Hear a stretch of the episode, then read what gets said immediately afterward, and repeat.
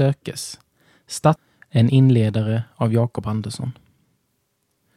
De flesta människor som fötts på vår jord fram till denna dag har haft väldigt lite möjligheter att påverka det samhälle de växt upp i.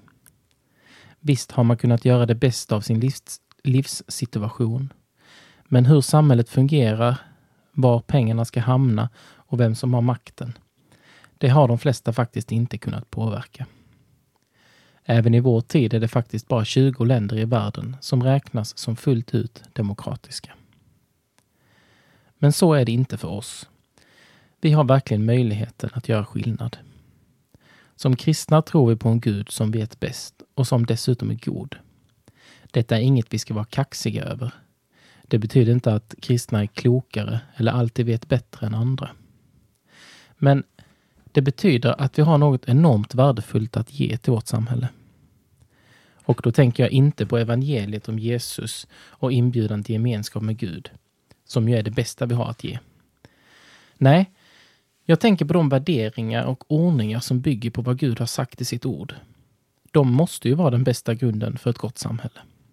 Ett samhälle byggt på Guds klokhet kommer ha störst, störst möjlighet att funka. Därför att Gud är den som konstruerat hela tillvaron.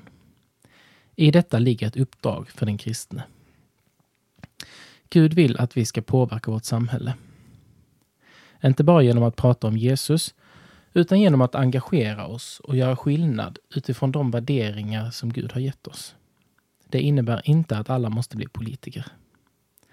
Att vara fotbollstränare eller att engagera sig i elevrådet är också sätt att forma människor och sammanhang efter Guds värderingar.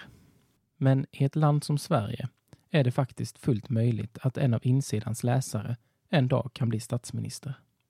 Tänk vilken skillnad det kan göra med kommunpolitiker, riksdagsledamöter och till och med statsministrar som vill göra sitt jobb utifrån en längtan att ära Gud. Vilka möjligheter vi har. Hjälp mig att göra skillnad i vårt samhälle. Sänd mig dit du vill ha mig. Amen.